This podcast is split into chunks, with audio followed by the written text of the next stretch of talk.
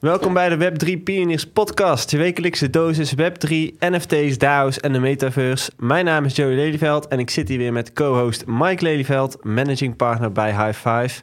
In deze wekelijkse show ontdekken we hoe de digital creators van vandaag de wereld van morgen bouwen. Deze show wordt mede mogelijk gemaakt door High Five, het Web3 agency van bureaugroep Handpicked. En dan de wekelijkse disclaimer. Wij geven geen financieel advies. Web3 kan geweldig zijn, maar tegelijkertijd kan er ook nog heel veel misgaan. Do your own research and don't blame us. Zoals jullie horen heb ik een fijn kuchje. Uh, vandaag gaan wij te gast Olivier Rikken. Hi. Of is het Olivier? Olivier, Olivier, Olivier gewoon. Olivier, oké. Okay. Founder van Emerging Horizons, waarin hij helpt bedrijven klaar te maken voor opkomende technologieën als AI, blockchain en big data. Hij is keynote speaker en heeft gewerkt in de financiële sector, overheidssector, logistieke sector, consumentengoederen, productieindustrie, healthcare-industrie. Daarnaast weet hij ook nog eens een keer heel veel af van DAO's. Uh, en daarom is hij vandaag hier. Welkom. Ja, dankjewel. Leuk hier te zijn. Ja. Gezellig. Ik heb, Flinke het ik heb het idee dat de aankondigingen van de gasten steeds langer worden. Ja, inderdaad. Elke worden de gasten dan steeds beter? Dat zou ja, dat zou ook kunnen. Ja. Er zijn veel sectoren. Ja, nee, klopt. Ik heb een uh, diverse carrière gehad voordat ik uh, in de Web3-wereld terecht kwam. Ja, dat uh, kun, je wel, kun je wel zeggen. Ja. Heel, heel uit, uit, elkaar liggend ook eigenlijk. Hè? Hoe is dat zo? Nou, nee, mijn, mijn echte achtergrond zit in het optimaliseren van processen. Mhm. Of je dat nou in de logistiek doet, of in de fast-moving consumer goods, of in um, de, de, financiële wereld. Dat maakt niet zoveel uit. De reden dat ik heel veel van die werelden van binnen heb gezien, is omdat ik vrij lang in een consultie heb gezeten. Dus dan, dan zie je veel industrieën van binnen. Ik ben begonnen in het transport en logistiek. Dat is ook echt waar ik ooit op afgestudeerd ben. Op een onderwerp wat tegenwoordig digital twins heet. Vroeger heette dat discrete simulatietechnieken. maar dan hebben we het over 15 à 20 jaar geleden. Deden we hetzelfde overigens, maar dat terzijde. Het zag er iets minder fancy uit. Ja. En um, begon in transport en logistiek, daarna een tijd in een consultie gezeten. Uiteindelijk in de financiële sector terechtgekomen. En daar, overigens per toeval, door een oud vriendje van mij, uh, de oprichter van Maven 11, ik weet niet of je die kent. Ja, dat is een investeringsmaatschappij. Uh, ja, ja, ook in, in, de, in, de, in de blockchain-wereld. Ja. En um, Jochem uh, Wieringa is een van de oprichters geweest. Dat is een oud vriendje van mij met wie ik gestudeerd heb. En die heeft me er ooit op gewezen, joh, blockchain zou best iets kunnen zijn. jaren geleden, echt jaren geleden, nog voordat Ethereum live was en dat soort dingen. Mm -hmm. En uh, ja, toen ben ik erin gedoken. Ja, en jullie weten het, als je die ene rabbit hole ingaat, ja, kom je er niet meer uit. uit. Ja, dan vind je vooral heel veel anderen. Ja, zeker. Aan de lopende band. Ja, ja. en nu, uh, nu is het echt al uh, acht jaar mijn uh, fulltime baan, zo'n zo beetje, denk ik. Oké, en is dat dan, uh, hoe heet het, ehm, Emerging Horizons geworden? Nee, dat is, dat is uiteindelijk, ik heb eerst nog bij een ander partijtje gezeten, maar uiteindelijk mijn eigen bedrijf opgericht. En daarin ben ik gewoon actief in het uitzoeken van heel veel zaken. Hoe zit het nou echt in elkaar? Mhm. in het voorgesprek, wat de luisteraar niet weet, weten jullie al een beetje dat ik het ook leuk vind om echt wel de code van smart contracts in te duiken. En dan weten als je ergens één regel uitkomt, dat dat het hele gedrag van een NFT of een token kan veranderen. Um, en uh, waar ik me vooral op focus is van uh, als ik dan mijn nerdenpad afdoe, hoe vertaalt dat dan naar praktijk en hoe kan ik dat uitleggen aan de board of directors van een bedrijf wat dat voor impact heeft op hun ja ja, supply chain of financiële situatie, hoe het hun verder kan brengen. Mhm. En um, ja, er zijn heel veel onderwerpen waar ik me veel in verdiept heb. Ik heb, uh, denk, ondertussen is het vijf jaar geleden al een boek en een rapport geschreven over wat smart contracts nou echt zijn. En uh, een jaar of uh, drie, vier geleden uh, besloten om volledig de wereld van de DAO's in te duiken. Want naast een uh, vrij drukke baan Ehm, een jong gezin en uh, nou, sowieso heel veel andere hobby's die ik ernaast doe. Leek me een fantastisch idee om te gaan promoveren op, uh, op het onderwerp DAO's. Kon er nog wel bij. Dan had, je, echt, dan had je echt nog niks te doen. Daar had ik, ja, had ik echt nog niks te doen. Ehm, en ik ben uh, daar nu drie, drieënhalf jaar mee bezig met, de promo met mijn promotieonderzoek aan de TU Delft over uh, de governance van uh, decentralized autonomous organizations. het leuke was toen ik ermee begon, nou, je kon net niet op twee handen tellen hoeveel DAO's er waren. Er waren er niet zoveel in die tijd. Mhm. Nu heb je het over duizenden projecten die zichzelf DAO noemen. Dus dat is uh, ja, een uh, leuke wereld die hard ontwikkelt, uh, waar veel gebeurt, waar nou, net zoals met alle dingen, heel veel hype omheen zit wat zou kunnen zijn. Eh, ook heel veel misconceptie. Ik denk dat het heel veel toegevoegde waarde kan hebben. Mhm. Maar daar, volgens mij gaan we het daar ook over Ja, hebben ja, vandaag. zeggen, Ja, eh, spijker op zijn kop. ja. Eh, Ehm, eigenlijk een hele simpele startvraag, denk ik. Want ja, onze doelgroepen zijn eh, vooral creators van vandaag, zeg maar. Ehm, en ik denk dat DAO's toch nog iets is waar veel van die mensen nog het minst van af weten, gok ik. Ook als ik naar mezelf kijk, dan denk ik dat ik over DAO's toch echt het minst af weet als het, af, af, ja, af weet als het gaat eh, over Web3. Ik denk dat veel mensen via NFT's in aanraking zijn gekomen met soort van Ja. Web3, blockchain. En iedereen heeft wel een soort van, over het algemeen, een beeld wat dan metaverse is. Hè? Of dat dan klopt of niet, dat, eh, daar kunnen we het een andere Ja. keer over hebben. Maar inderdaad, DAO's, dat, eh, dat vinden veel mensen toch heel abstract begrip. Ze kennen de term, denk ik wel. Maar stel jij staat op een feestje s'avonds met een biertje in je hand... en iemand komt naar je toe en zegt... leg mij nou eens even uit wat een DAO is. Dus mijn eerste antwoord heb je een uurtje. ja, precies. Maar als je dat even heel plat moet slaan... Ja, en het is een Ja. 14-jarige wijsneus. Ja. Maar dit, eh, Ja, mijn oudste is tien, die komt al in de buurt daarin. Maar eh, nou ja, er zit inderdaad een enorm gat tussen wat men denkt dat het is en wat het daadwerkelijk echt is. En, Wat eh, denkt men wat het is? En, en, en voor, voor, voordat, ehm, voordat, we, voordat ik aan mijn zin begin... Het grappige is dat zelfs in de wetenschap... we nog geen eenduidige definitie hebben wat een DAO is. Dus het, het is vooral ne- lekker een hoofd, hoog over begrip. Eh, wat, wat denkt men dat het is? Nou, als je de, de, de- de, hype mensen gelooft, is het de toekomst van iedere organisatie waar je geen enkele managementlaag meer hebt en met z'n allen alle organisaties managen. Wat eh, ontzettend leuk toekomstbeeld is, eh, maar totaal inefficiënt in heel veel situaties. Want we hebben gewoon soms verschillende lagen nodig om zaken te doen. Maar waar het eigenlijk op neerkomt, wat men denkt wat het is die iets realistischer is, is dat je gewoon heel makkelijk een, een samenwerkingsverband op kan zetten. Ehm, eh, waar je dus niet meer strikt 1001 managementlagen hoeft te hebben, waar er ook geen directeur meer is, maar waar je inderdaad in gezamenlijkheid besluiten kan nemen. En ook eh, heel belangrijk, in gezamenlijkheid de financiële pot kan beheren, zodat je niet bang hoeft te zijn dat één iemand met de pot van je samenwerkingsproject er vandoor gaat. Ja. En wat het doel van het project is, kan echt alles zijn. Dus we hebben DAO's al voor alles verzonnen. Ja, de- jij noemt heel terecht, eh, Mike, de, de, de, de NFT-DAO's. eh, Ja, die, die zijn nu heel erg populair. Ik ben benieuwd hoe levensvatbaar die zijn, maar dat, dat is een ander verhaal. Ehm, maar je ziet eh, ze met allerlei doelstellingen, van investment funds tot eh, het gezamenlijke bezitten van art, tot en met eh, software development clubs die zichzelf in een DAO organiseren. Maar als we het heel plat slaan, als we toch een definitie moeten hebben, en dan Mhm. komen we terug naar die ene zin.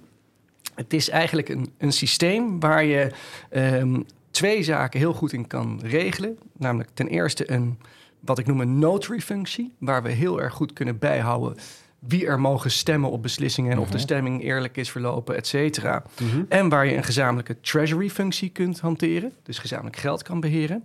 En waarbij de executie van een besluit eh, geautomatiseerd is. Dat is ook een hele belangrijke. Dus we besluiten iets en dan hoeft er niet nog iets op de achtergrond aan door één persoon gedaan te worden. Nee, dan wordt gelijk die besluit automatisch uitgevoerd. Dus het, En dat kan op basis van stemmen zijn, dat kan op basis van voorgeprogrammeerde regels zijn, dat het besluit uitge- uitgevoerd wordt. Ja, en om te bewaken dat er niemand meer tussen komt, bouw je dat op een ja, decentrale infrastructuur. Laten we het, Ja, dus een. DAO zorgt er eigenlijk voor dat de regels worden nageleefd. Zonder dat je een derde partij in, eh, tussen hoeft te hebben Ja. om in de gaten te houden of die regels netjes worden nageleefd. En dat de boekhouding klopt. En dat de boekhouding klopt. En dat is vooral dus op twee zaken. Op ja, notary functions, dus stemmingen. En op treasury functies, Ja. op, op overdracht van waarde. Ja. Nou Dat, jou, daar zie je het het meeste voorkomen. Dus, nou hoor ik jouw verhaal, dan moet ik eigenlijk meteen aan een VVE denken. Als in, je hebt een groep mensen in, een, in een pand wonen, allemaal eigenaar, er zit geld in zo'n pot, die moet beheerd worden. Ja, ik vind de VVE een hele leuke use case. Ja, want nu zit daar een persoontje tussen, Ja, eh, over het algemeen, met de meeste VVE's, die die pot beheert, die die groep eh soort van begeleidt, kun je het misschien eh, best Ja. noemen. En je Ehm, hebt af en toe een, een, een vergadering eh, Ja. van de VVE... waar je dan besluiten moet Ja. nemen. En Maar dan gaat het helft wel, de andere doen. niet. En, Ja. en dat soort zaken. Nou ja, dus, dus voor, voor dat soort zaken zou denk ik een DAO heel erg geschikt kunnen zijn. Is dan een hele kleine DAO, alhoewel als je in een flatgebouw woont, dan Kunnen heb je een VVE van eh, misschien wel 100 eh, mensen.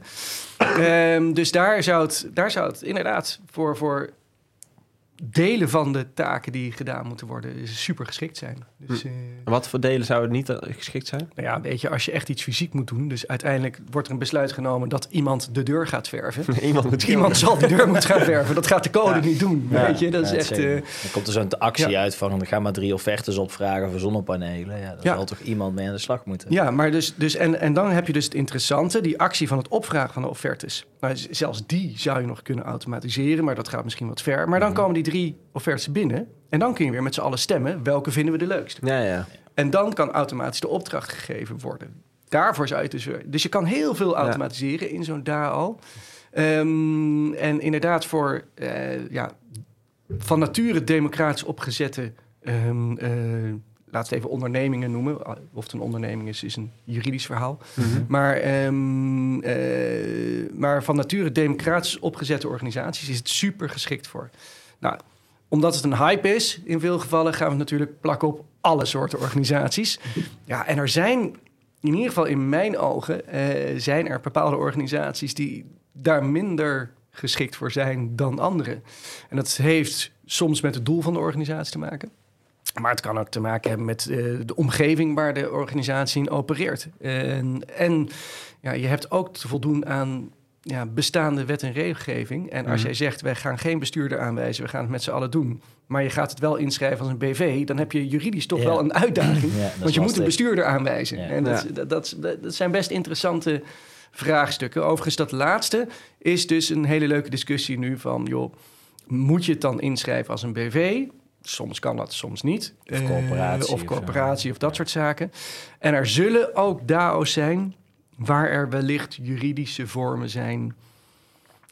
of waar de huidige juridische vormen niet toereikend zijn. Nou, denk ik dat de meeste DAO's wel binnen een huidige juridische structuur te passen zijn. Maar ik ben geen jurist, daar moeten de juristen het laatste woord over hebben. Maar dat, eh, daar, daar hangt het een beetje vanaf. Maar ja, ehm, en, en dus ook de omgeving waar je in zit.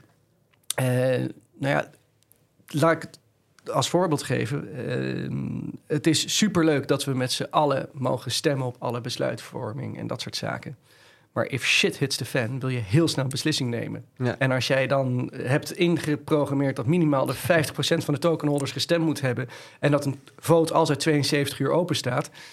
Hey, als mijn huis nu in de fik staat, moet ik nu een besluit kunnen nemen om Ja. Om- Ja, en vaak moet zo'n vote ook nog eh, een week van tevoren aangekondigd worden. Dat Ja. soort zaken. Ja, dus, dus er dan- zijn gewoon heel veel situaties waar je eh, vanuit governance perspectief eh, een democratische besluitvorming gewoon helemaal niet handig is. Dus Ja. een noodsituatie wil je gewoon één iemand aanwijzen, doe het, doe het, doe het. Ja. Die je wellicht daarna wel eh, een rekenschap moet laten geven over de acties die hij of zij gedaan heeft. Maar ook, en daarom denk ik ook, ook binnen DAO's moet je gaan nagaan denken over constructies waar sommige mensen toch wel dingen mogen doen Ja. die bepaalde snelheid Maar behoeven. dit, dit is denk ik nog maar een heel weinig DAO's geregeld, toch? Ja, Of wordt en daar wel nee. over nagedacht? Ja, de- Ik hoor het eigenlijk, voor, of tenminste, ik heb de problemen vaker gehoord, maar ik heb er nooit echt goed geleerd. Er zijn een paar DAO's die er expliciet over nadenken. Er zijn een paar DAO's die daar impliciet over nagedacht hebben... of van nature die kant op gegroeid zijn. Want heel veel DAO's, moet je beseffen... die zijn helemaal niet extreem gedecentraliseerd begonnen. Mhm. Dat is gewoon een project geweest van een paar jongens en meisjes... die bij elkaar kwamen. Die zeggen, we gaan iets gaafs doen. Ja. En wij zijn de DAO. Ehm, als die DAO groeit, dan noemen die jongens en meisjes zich het core team. En het core team kan alles doen en de rest kan ook een beetje mee beslissen. Of gaat in groepjes werken. En dan Mhm. krijg je een soort ja, eh, verschillende groepjes die samenwerken, die dan de DAO zouden zijn. Maar je ziet in praktijk dat er impliciet vaak nog wel een paar mensen zijn die ehm, aan het roer kunnen zitten. Overigens, in heel veel van de projecten die zichzelf DAO's noemen, is de executie van de besluitvorming helemaal niet eh, geautomatiseerd. Dus daar heb je gewoon heel expliciet iemand op de achtergrond die dus nog een besluit eh, kan negeren en iets anders kan doen dan dat er besloten is. Daar hebben we ook echt wel de eerste voorbeelden van gezien. Ja. Dus, Ja. eh, Maar hoe kun je eigenlijk weten dat zoiets veilig is? Want we hadden het in het voorgesprek ook erover dat die codes dus best wel makkelijk eh, ja, te aan te passen zijn. ja. Ja, we hebben Features. Ja. slash hier, slash daar en alles verandert eigenlijk. Nou, niet iedereen kan code lezen. Ehm, de massa kan de code niet lezen. Dus hoe weet jij als jij onderdeel wordt van een DAO... dat jouw stemrecht, dat, ja, dat het ook echt allemaal wel zo geregeld is? Lijkt me bijna onmogelijk, toch? Om zoiets... eh, Ja en nee. Ehm, eh, heel veel DAO's die opgezet worden, die worden eh, niet vanaf ground up geprogrammeerd door de mensen achter die DAO zelf. Omdat, dat zagen we in het begin wel, hè? de eerste DAO's had iedereen zelf geprogrammeerd. Maar je hebt tegenwoordig platformen zoals een Aragon of als een eh DAO House of eh nou, DAO Stack in minder mate. Dat zijn Die meer is de uit- drag-and-drop-achtige... dat zijn, ja, het ziet een beetje een drag-and-drop solution. Je Ja. vult wat dingen in, je klikt op oké en die DAO en die smart contracts worden op de achtergrond gemaakt. ja, dus stel, Als die zegt- volgens die dingen zijn gemaakt, dat zijn vaste smart contract templates die Hm. erachter zitten. En eh, die kun jij, als jij het zelf via die platforms maakt, kun je die templates niet aanpassen. Nee. En die templates die zijn echt wel done and dusted bekeken dat daar geen rare dingen kunnen gebeuren. Maar als jij zelf iets, eh zelf dat template, eh, het staat je vrij om niet via die site dat te deployen, maar zelf de template te pakken, gewoon naar GitHub te gaan Ja. en naar die code op te halen. Mhm. Want alles is transparant en open. En nou, je hoeft geen eens naar GitHub te gaan. Ja. Als ze de repository niet open hebben gezet. Maar je kan naar eh, Etherscan gaan. Maar, Dat is een blockchain browser. Voor degene die niet weten wat het is. Mhm. En dan kun je dus op een blockchain kijken. En als je weet, deze DAO... En een DAO bestaat altijd uit één of een serie van smart contracts. En dan weet je het adres daarvan. Dan ga je naartoe. En dan kun je daar ook de code zien. Nou, die kun je copy-pasten. En dan vooral zelf dingen gaan veranderen op de achtergrond. Ja. Als je dat zou doen, dan kun je daar dus inderdaad wel nare trucjes in uithalen. Dus de meeste van die DAO's, dat zijn template DAO's, daarvan kun je redelijkerwijs van uitgaan dat er niet mee, mee, Mhm. mee getemperd is. Maar ehm, die zelfgemaakte is een lastige. Ja, en hoe weten mensen dat? Ja, Weet je de, eigenlijk de projecten zelf moeten dat eigenlijk gewoon disclosen. Van, joh, we hebben het zo opgezet. Ja, precies. En waar je ook niet aan gaat ontkomen, is dat er sommige ook gewoon eh geaudit moeten gaan worden door, Ja. door derde partijen. Ik wou net zeggen, daar Ja. ligt misschien ook wel een, een, een rol voor een Deloitte of een EY. Ja. Of, of dat je Nou, zegt van dit je, is je, ziet, je ziet dus verified. ook, de, de, Big Fours krijgen al smart Ja. contract audit teams. Ja? En eh, ik weet in ieder geval van één of twee die dat al hebben. Ik weet niet of ze het allemaal hebben, maar in ieder geval Ja. eh, een paar hebben het wel al. Ja, wat me ook al te, te binnen schiet, is je ziet dat veel in de, in de, in de vastgoedverhuursector. Hè, dat eigenlijk zo'n verhuurcontract is vaak gewoon een modelovereenkomst van eh, de NVM of zo. Ja. Ehm, ja, misschien heb je straks, hè, in, in het voorbeeld wat Joey aangaf met VVE's, misschien heb je straks wel gewoon een club die een bepaald DAO-template heeft van hoe je dat organiseert.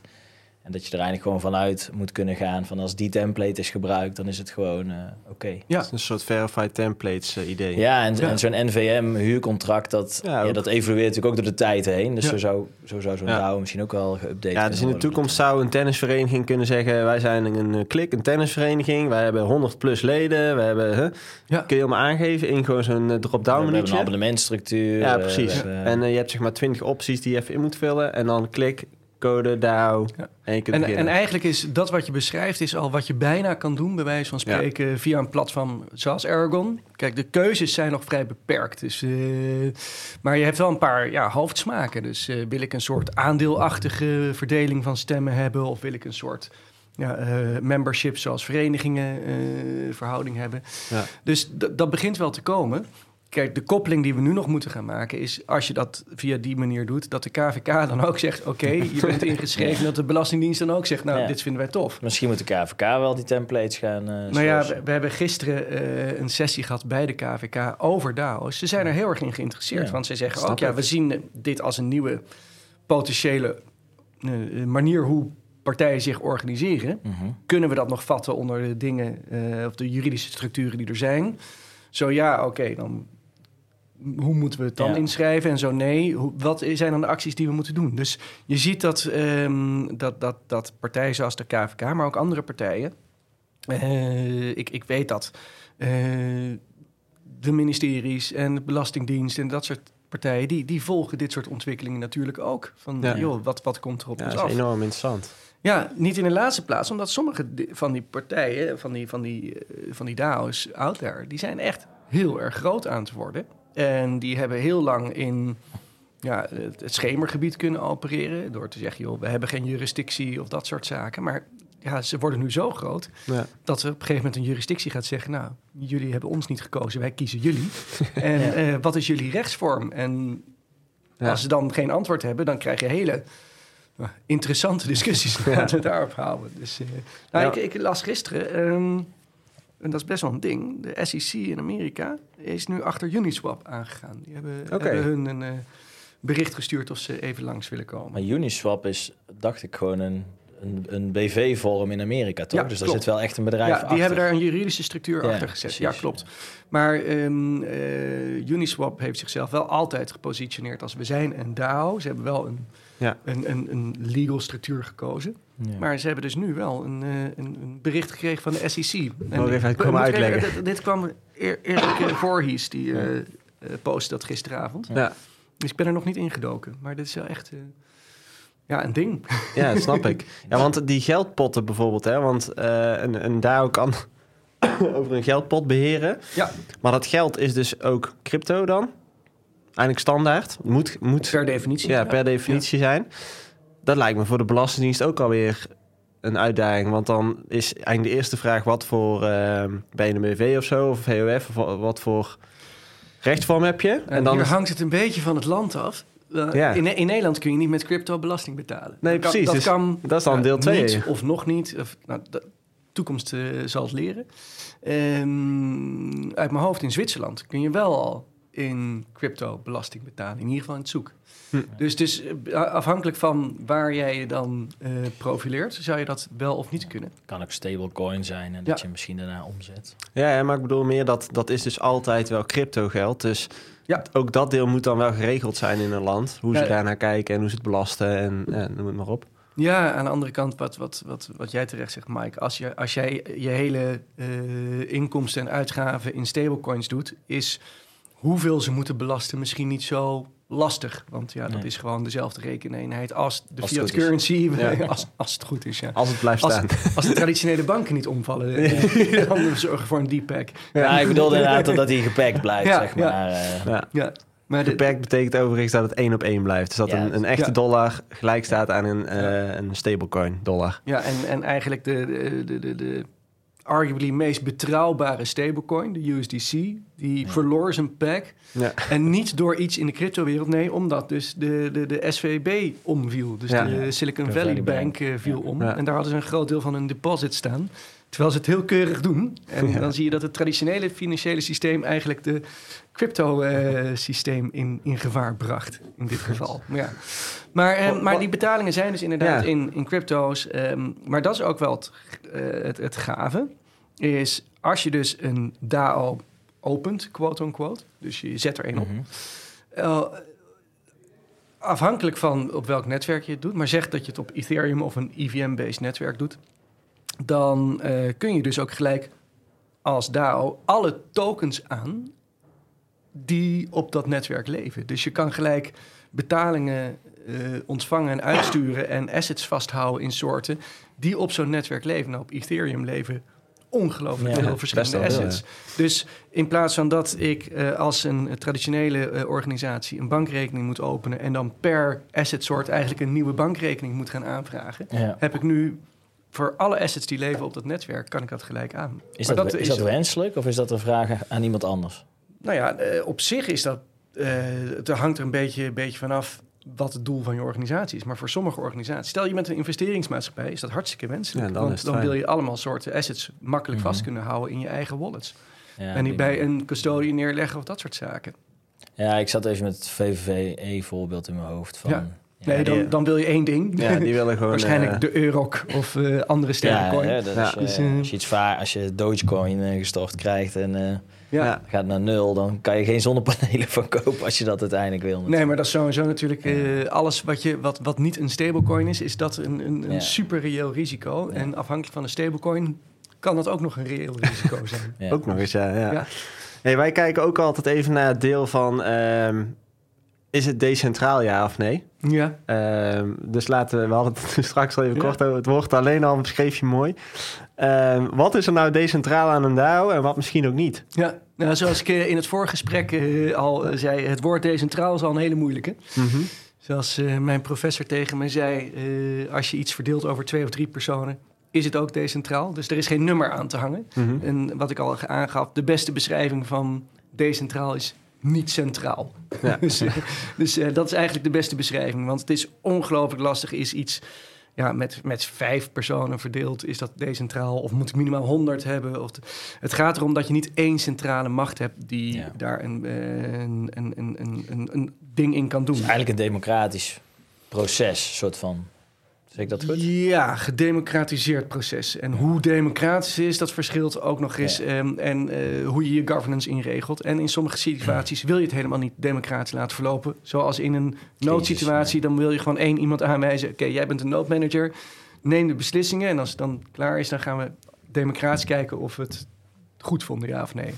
maar ja, ehm, als we kijken naar het woord eh, eh, DAO, het zijn eigenlijk drie woorden natuurlijk. Het heet Decentralized Autonomous Organization. Nou, eh, je kan een enorme discussie gaan hebben of het allemaal organisaties zijn. De meeste zijn een manier hoe mensen elkaar, eh, eh, hoe mensen organiseren. Dus die O, oké, prima. Die A, autonomous, wat ik al zei, dat heeft er vooral mee te maken, is een besluit, wordt die automatisch uitgevoerd? Is het dus autonoom? Dus, eh, en, en gaan dingen volgens gecodeerde business rules. En daarin zie je dat de meeste DAO-projecten al fout gaan. Ehm, namelijk alle DAO's die gebruik maken van een platform die he- Snapshot heet, daar heb je al niet automatische executie van de besluitvorming. Moet Daar wordt, eh, daar, steeds- daar, daar wordt het notary deel wel goed in de gaten gehouden. Ja. Eh, is er gestemd en was dat eerlijk en dat soort dingen. Maar de rest niet. Hm. Ehm, dus een groot deel van de DAO's zijn al niet autonoom. Als je er even heel strikt naar kijkt, ja, dan kom je op het woord decentraal. En ehm, dat is ook in de wetenschap best wel al een tijd een discussie. Wat, wat is dan decentraal in DAO's? Ja, dan moet je eigenlijk op twee lagen kijken. En de eerste is de meest makkelijke, is het gebouwd op een decentrale infrastructuur. Dus op een, een blockchain of Tangle of whatever. Mhm. En ehm, eh, als het daar aan voldoet, zijn er sommige mensen die zeggen, nou dan is het al een DAO. Maar dat betekent dat de applicatie, de DAO zelf die je gebouwd hebt, Mhm. die hoeft helemaal niet decentraal te zijn. En daarom moet je ook op die level kijken, is die organisatie zelf decentraal of, of democratisch, zoals Mhm. je het eh, wil, noemde. En ehm, heel eerlijk, als je de DAO's induikt, zijn er vrij veel DAO's niet zo heel decentraal. Dus, eh, Ja, en jij, dat bent, is... jij, jij bent daar natuurlijk helemaal ingedoken. Ja, ik ben die. eh, ik ben, er zijn een paar maloten op de wereld die al die DAO's van binnen bekijken. Er is een groepje in de US rond MIT. Er is een groepje in Zurich rond ETH. En ik dan vanuit de TU Delft. Hm. En die, die hier naar binnen kijken en al die krengen in de gaten houden. Eh, dus ik kan oprecht zeggen dat ik eh, eh, een lijst van 10.000 plus projecten bijhoud met DAO's. Ik denk Zo. dat we ongeveer 15.000 zijn op dit moment. Hm. En ehm, eh, een groot deel van die krengen heb ik ook van binnen bekeken. Hoeveel tokenholders zijn er en hoe actief zijn ze? Ehm, eh, en dan vooral van de DAO's waar van ik zeg, daar is de autonomie ook nog intact. Dus Snapshot, ik hou ze wel bij, maar dat is meer voor tellingen van hoeveel off-chain governance DAO's zijn er, zoals ik ze dan noem.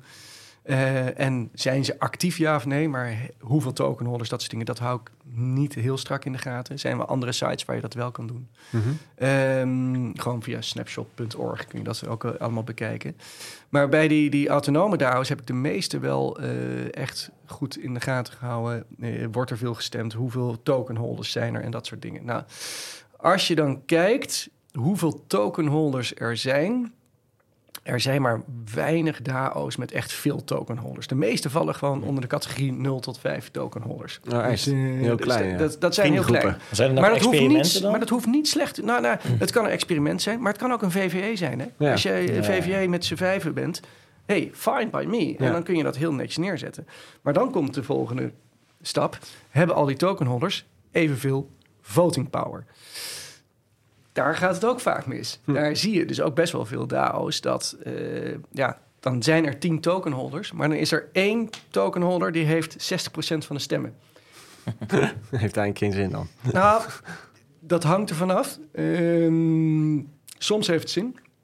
Omdat die 40% nog wel een stemming kan doen als die ene niet meestemt, bijvoorbeeld. Hm. Dus dan zou de rest ook nog iets kunnen doen. Maar ja, stel dat je hebt eh, ingevoerd dat er minimaal zoveel procent gestemd moet hebben. En één iemand heeft al meer dan wat de anderen ooit bij elkaar kunnen. Ja. Dan, dan gaat het dan niet op. op. Dus je ziet op, op, eh, op laat ik het even op applicatielevel, dus op, op DAO-level zelf. Mhm. Ehm, wil je in principe dat een DAO gedemocratiseerd of decentraal is? In praktijk is dat niet altijd het geval. Hm. Ehm, ze zijn wel bijna allemaal gebouwd op een decentrale infrastructuur. Al, ja, ik hou al vier jaar lang een Google Alert bij over DAO's. En dan krijg je dus ook alle ja, marketingberichten gewoon van eh, deze DAO is naar voren gekomen. Er zitten er ook gewoon een paar honderd tussen. Ik heb ze wel op mijn lijst staan. Maar als je daarin duikt en gaat zoeken, niet. je komt nergens iets tegen hoe het geregeld is. En, Ja. en hoe de governance en wie de tokenholders zijn. Transparantie Nul is transparantie is, is, zit ja. daar. Wat- en ik vind die transparantie vind ik wel heel belangrijk. Dat je dus als je een DAO opzet, ja. ja, dat mensen wel moeten kunnen zien. Het is inderdaad gedecentraliseerd. En, en prima als ze besluiten dat er een alleenheerser binnen die, die DAO is. Hey, eh, hun eigen keus. Maar wel disclosen. Maar wel, eh, nou, in ieder geval dat mensen dat kunnen zien. Dat als je daarin zou willen investeren, dat je wel weet van, joh, ze noemen zichzelf een DAO, maar heel decentraal zijn ze niet. Het interessante is overigens, en dat, dat, dat, dat had ik nog ineens meegenomen in mijn onderzoek, maar er zijn vooral de jongens uit, eh uit eh, Zurich heel erg mee bezig. Die zijn dus continu ook aan het kijken. We kunnen dus niet zien of het Joey of Mike is die in die DAO zit, want we kunnen allemaal acteren achter onze accountnummers. Mhm. Wie zegt mij, als ik daar vijf tokenholders hebben staan, dat niet al die vijfde accounts allemaal van Olivier zijn? Dat, dat heb ik niet uit mijn analyse gehaald. Daar hebben de jongens in Zurich wel een methodiek voor ontwikkeld. Of ze gebruiken een methodiek. Maar in ieder geval, die, die zijn er echt actief onderzoek naar aan het doen. En eigenlijk moet je het werk wat ik doe en wat zij doen combineren. En dan krijgen we een nog beter beeld. Hm. Om in ieder geval de factor van meerdere accounts Mhm. van één persoon er ook Ja. nog eens uit te filteren. Want Ja, dat- precies. dat- ja. Maar Heb jij zo een, eh, een, een goed voorbeeld van een van die projecten die je bijhoudt... waarvan je zegt, ja, dit is gewoon wel echt hoe het zou moeten zijn? Schoolvoorbeeld. Een ja, schoolvoorbeeld. schoolvoorbeeld. ja, Die ook gewoon Ik- ik- actief is, goed gebruikt wordt. Ja, ik, ik, ik, ik vergeet altijd eh, de namen. Dat, eh, dat- daar ben ik altijd heel slecht in. Maar er, er, er is eh, nu een groep van een paar honderd DAO's... En waarvan ik zie, die worden eh, veel gebruikt. En ehm, die lijken ook gewoon over langere tijd te bestaan. En dat vind ik altijd een goed teken. Dat is, mijn, Hm. mijn onderzoek gaat ook over de governance in relatie tot long-term viability. Oftewel, wie blijven er activiteit vertonen over tijd? Ja. Dat, het ook Dat is een van de betere, of nou ja, een van de betere, dat is subjectief, maar het is gewoon een graadmeter van hoe effectief in zo, is zo'n DAO. Als die blijft bestaan, dan doen ze blijkbaar iets goed. Dat is dan mijn conclusie. Ja. Eh, je zou ook de token value eh, kunnen pakken of dat soort dingen. Daar zit, nou, iedereen heeft daar zijn eigen afweging in. Maar ja, wat, wat, eh, wat ik bijvoorbeeld heel erg interessant vind, is veel van de decentralized exchanges zijn als DAO's opgezet. Mhm. En dat in de hele crypto-wereld eh, eigenlijk alle exchanges die omvallen, vooral centralized exchanges zijn geweest en niet de Ja. decentralized. Betekent voor mij, of in ieder geval is een hint, eh, en nu doe ik even mijn onderzoekerspet op, van nou, dat is dus interessant om in te duiken. Daar is wel iets aan de gang. Waarom, waarom werkt dat dan Ja. beter? Ja. En blijkbaar heeft dat dan, dan nut. Nog geen antwoord op. Nee, omdat dit, dit deel heb ik nog niet, Nee. niet als zodanig, niet vanuit deze eh angle onderzocht. Ehm, dus je hebt verschillende decentralized exchanges, vind ik hele mooie voorbeelden. En dat zijn geen lullige partijtjes. Daar gaan echt, echt grote bedragen in om. Mhm. En daar is gewoon geen, ja, geen formele CEO of, of eh, CFO die Ja. de besluiten neemt. Het is echt Wat een community ding. Maar ook bijvoorbeeld die platformen zoals Aragon Mhm. die dus dit soort platformen bouwen om DAO's te deployen. Organiseren zichzelf natuurlijk ook als een DAO. Ja, en die blijven ook bestaan. En die hebben ook een funding voor elkaar. En die leveren ook producten naar de markt. Ja, ik Dat vind dat heel vet. Ja. Hoe ze dat voor elkaar krijgen. Wat ik nog wel... En je komt echt accounts tegen met, honderd, met, met nou, nou, honderdduizenden en ook miljoenen daarop. Dus dat ik echt denk van, nou, dat zijn aardige. Nou, Accounts volgens mij gaat het zelfs wel over de honderden miljoenen sommen. Ja, ja. Ja. Wat ik nog wel ehm, nieuwsgierig naar was, is eh, volgens mij is dat deze week in de CryptoCast. Daar eh, maken ze eigenlijk ook een beetje het onderscheid tussen twee typen. En volgens mij hebben we het tot nu toe vooral gehad over één type DAO, namelijk heel erg met een soort van juridische entiteit eronder. Hè? Ehm, Uniswap gaf je al, al als voorbeeld. Ja, die hebben dus wel gewoon een, een, een juridische entiteit in Amerika. Dus het is eigenlijk een BV waar bovenop een soort van DAO-structuur is gebouwd. Aan de andere kant heb je meer de, de ja, eigenlijk op hè, als infrastructuur, als protocol eh, level. Ik weet niet of het een goed voorbeeld is, maar dan, dan denk ik aan een soort Tornado Cash of zo. Mhm. hè? Zo'n, zo'n, ja, dat is misschien niet eens een, dat is meer een contract, misschien minder Ja, een dat was, dat, ja dat, dat- was meer een smart contract. En dat is Maar natuurlijk dat- een heel apart Precies, ja, maar ik ben benieuwd van, heb je daar ook voorbeelden van? Dus nou, je, je hebt verschillende eh, protocollen die zichzelf organiseren als een DAO. Ja. Ik denk dat de meest bekende vanuit onderzoeksgebied, is Mhm. die, die ben ik in ieder geval het meest tegengekomen in, in onderzoek, is eh Navcoin. Wat een, een protocol is in zichzelf. En daar zijn Ik heb het wel eens voorbij zien ja, komen. de tokenholders, eh, eh, of de, de cryptocurrency holders, Mhm. kunnen dus daarmee ook stemmen in een. DAO. Ehm, dus dat is wel een voorbeeld daarvan. Je ziet dus ook wel verschillende ehm, protocollen die zich op deze manier willen organiseren of organiseren. Ik zit even te denken welke het nou is. Of het nou Polkadot is of Polygon, een van de twee. Ik Pin me er even niet op vast. Maar die hebben volgens mij ook een DAO voor besluitvorming eh, op de Mhm. achtergrond zitten. Dus je ziet wel dat dit soort infrastructuur eh, ehm, en ook grote andere projecten bovenop de infrastructuur, of rond de infrastructuur, zoals de Ethereum Name Server, de ENS, Mhm. Ja. is ook georganiseerd in een, in een DAO in zichzelf. Oh. Dus daar heb je wel echt, echt, echt wel voorbeelden van. En dat zijn eigenlijk de niet-financiële eh, eh, toepassingen die, die Ja, want ziet. zodra een DAO een soort van een winstoogmerk heeft, dan moet uiteindelijk dat geld ook ergens kunnen landen om vervolgens ook ja, een soort van liquide gemaakt te worden om, om er ook een, een huis of, of iets van te kunnen kopen, denk ik. En dan Ja. raak je automatisch ook meteen het land en, en belastingen betalen en alles. Maar ja, er zijn dus ook gewoon DAO's rondom protocollen. Hè? Dus het gaat meer over infrastructuur, waarbij je meer gaat over keuzes maken, denk ik, dan over hè, hoe iets werkt.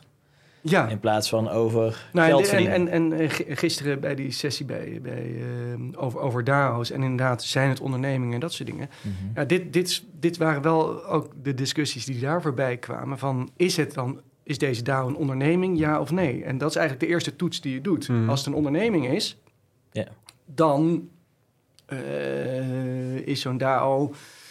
Ja, ze zullen zelf, eh, sommige projecten zullen zelf roepen... wij zijn lekker gedecentraliseerd over de hele wereld... dus we hebben niet een jurisdictie om ons aan te houden. Mhm. Maar ja, wat ik al zei, als jij de jurisdictie niet kiest... kiest de jurisdictie jou. Dus Ja. dat is nooit, eh, nooit een lange termijn Nee. oplossing, laat ik het Ja. zo zeggen. Want, dus- even voor de luisteraar... Ja. je kunt dus dan als een soort van DAO zeggen... ik, eh, ik ben gedecentraliseerd, ik, ik hoor nergens thuis... maar op het moment dat ik, Mike Lelyveld, in Nederland gedupeerd word door die DAO... en ik besluit daar rechtelijke stappen op te nemen... dan komt de jurisdictie gewoon naar de DAO en dan... Ja, en, en, en Kan ik hier nog gewoon veel eerder, denk ik, voordat jij de stappen onderneemt... vroeg of laat komt er een belastingdienst voorbij... en die zegt, joh, luister, jullie doen zoveel operatie in ons land... Eh, Ah, ja. Jullie zijn belastingplichtig in ons land. Ja. Want ja, je bent precies, gewoon... die kijken gewoon naar economische activiteit. Die kijken naar economische Ja. activiteit. Maar En de meeste? DAO's, ja, nou, de tokenholders. Ja, precies. Dus dan ben je Dat eigenlijk als is een, tokenholder. dit is best een interessante. Er is Ja. nu een, een, een, een ehm, juridisch eh, traject gaande tussen eh UkiDAO en een CFTC in Amerika. En UkiDAO, ehm, eh, in, in dat conflict is de CFTC gewoon op een gegeven moment gaan zeggen... joh, luister, als wij niet een persoon kunnen aanspreken... dan zijn het gewoon alle Token tokenholders individueel hoofdelijk aansprakelijk. Ouch. Het is een beetje zoals En vroeger eh, in de klas, het, hè? ja, maar het, het, het, het, is, het is eigenlijk eh, ook heel simpel. Van ja, weet je, als, je, als we dus niet een juridictie... da- dan is het ook een DAO. En de consequentie van een DAO dat we decentraal doen, is ook dat we met z'n allen verantwoordelijk zijn. Ja. En, en dit is nu best een hele interessante, want iedereen wil lekker decentraal organiseren. Maar Niemand wil de verantwoordelijkheid niemand dragen. wil de verantwoordelijkheid dan dragen. En dat kan natuurlijk niet. Weet je? Uiteindelijk moet er ergens verantwoordelijkheid zijn. Want ook als een DAO, als je Ja. een democratisch besluit neemt, kun je een hartstikke slecht besluit nemen. Waardoor mensen gedupeerd worden. Ja, en, en. Dan, dan moet er iets of iemand aansprakelijk zijn. En als er iets niet geregeld wordt, dan kom je al snel op de iemand uit. En die iemand kan zich heel lang achter een adres verschuilen. Maar als ik met dit adres één keer een transactie doe met een van de exchanges in Die KYC Europa, hebben. die hebben een KYC Ja. en die weten dan ook wie de persoon erachter daar is. je. ja. Dus, dat is eh, natuurlijk best lullig, want dan heb je 100 token holders. Niemand steekt zijn hand op wie is verantwoordelijk. Dan zegt Ja. de overheid, dan zijn die alle 100 verantwoordelijk. Maar we kunnen er maar één identificeren. Dus kom maar. Dan ben jij de pineut. daar gaat dan de rechter over. Ja, Ja, ik kan zeggen, dat, dat heb ik geen idee. Maar, nee, maar dat is een beetje de, de, de Ja. lijn waar, hè, die we schetsen. Van, eh, Ja, ik zei al, zo ging het vroeger in de klas ook. Als, dan niem- als er iets was gebeurd en niemand wou het toegeven... dan zei de leraar ook altijd van... nou, dan blijft de hele klas, weet je wel. Ja. Dan blijft de hele klas zitten totdat Ja. die persoon naar voren komt. Ja, Dus, wat- eh, ja dat, dat ga je wel krijgen, Ja. dat soort dingen. En ja, Ja. is het goed of is het slecht? Ik vind dat heel erg lastig beoordelen. Ja. Maar ik, ik sta er wel achter dat ik zeg van... door je te organiseren eh, in een DAO-vorm... eh, dan, dan ontwijk je niet de verantwoordelijkheid die je Nee. daarin hebt. Dus die verantwoordelijkheid en die aansprakelijkheid... die moet je daar wel in, in, in, Ja. in regelen, inderdaad. Dat is, dat is wel een belangrijke. Is dat ook iets wat... eh, we gaan richting het einde werken overigens... maar eh, er komt een hoop regelgeving aan vanuit de EU. Ja, Eh, valt DAO's daar ook al... zijn ze er ook al mee bezig of valt er nog niet onder dat kopje? even uit mijn hoofd vallen DAO's niet onder MiCA. Want dat Nee, is eigenlijk de regelgeving die eraan komt. Ja, Ehm, er was sprake van om dat wel toe te voegen, maar volgens mij zit het er niet in. nee, het zit er niet Maar in. nee? Oké, nee. Dus ik, ik wist niet heel zeker. Mika maar- 2 mogelijk over, Ja, een paar jaar. Ja. Maar de nee, dan hebben ze eerste- het eruit gesloopt. de want Ze eerste hebben er stap wel over zit er gehad. niet in, Eh, Ah, Ja. oké. Nee, dus, dus ja, eh, het, het enige is... eh, ik denk dat DAO's er specifiek niet in zitten. Maar ze hebben natuurlijk altijd nog de backdoor. Mhm. Want de tokens die de stemrecht vertegenwoordigen in een DAO...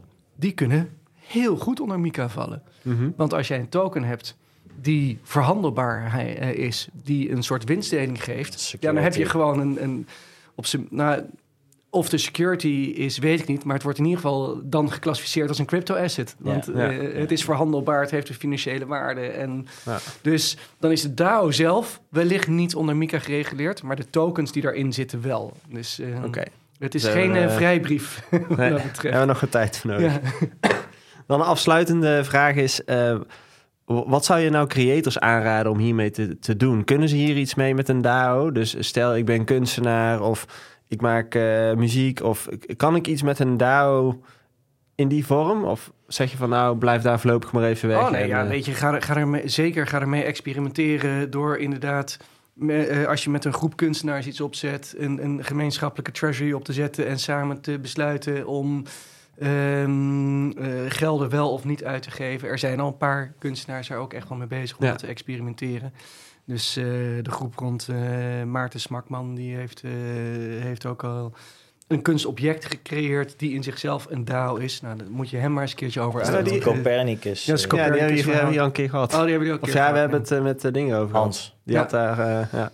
Nee, dus, ehm, dus die zijn ermee bezig. En ja, nogmaals, voor, voor die twee functies, dus die notary-functie en die, die treasury-functie, als je een project hebt die daarmee te maken heeft, is dit superleuk om mee te spelen. En Ja. dan kun je ook met z'n allen besluiten welke kant willen op. En dat, eh, want die besluiten hoeven niet alleen maar over uitgeven van geld te zijn, maar eh, transferen we deze NFT eh, naar dat museum toe. Ja. Ja. eh, en doneren we het daarmee. En dan is, stel dat het een, NFT is van een kunstobject die je met allemaal gemaakt hebt, dan kun je met z'n allen dus ook daarover besluiten of een Ja. NFT dan getransferd wordt, ja of nee. Dus eh, nou, dat soort zaken. Ja, dus ga er zeker mee experimenteren. Het is hartstikke leuk. Mooi. Ja, ik moet er ook meer mee gaan doen, want ik, ik heb me nog niet echt super in verdiept. Dus eh, Nou ja, eh, de meest makkelijke instapmodel DAO's kun je maken met het eh, Aragon-platform. oké. Dus eh, speel daarmee. Eh, Snapshot moet je al iets meer verstand hebben van eh, zelf een token maken en dan koppelen. Is Mhm. ook niet heel ingewikkeld hoor in die end. Ehm, eh, of met uh, DAO House, die uh, DAOhouse.club of Aragon.org. Een van die twee. Mooi, dan ga ik daar ook eens beginnen. Ja. Ja. Super, hartstikke bedankt. Ik vond het heel interessant. Leuk gesprek. Graag gedaan. En, uh, Zeker leuk. Dus, Bedankt Ja. voor je komst. Ja, Inderdaad. graag gedaan. Dankjewel voor het luisteren ook weer. En mocht je deze podcast leuk vinden, vergeet hem dan niet te raten in je podcast-app. Mike en ik gaan zo weer door met het uh, weekly overzichtje. En dan uh, tot de volgende keer.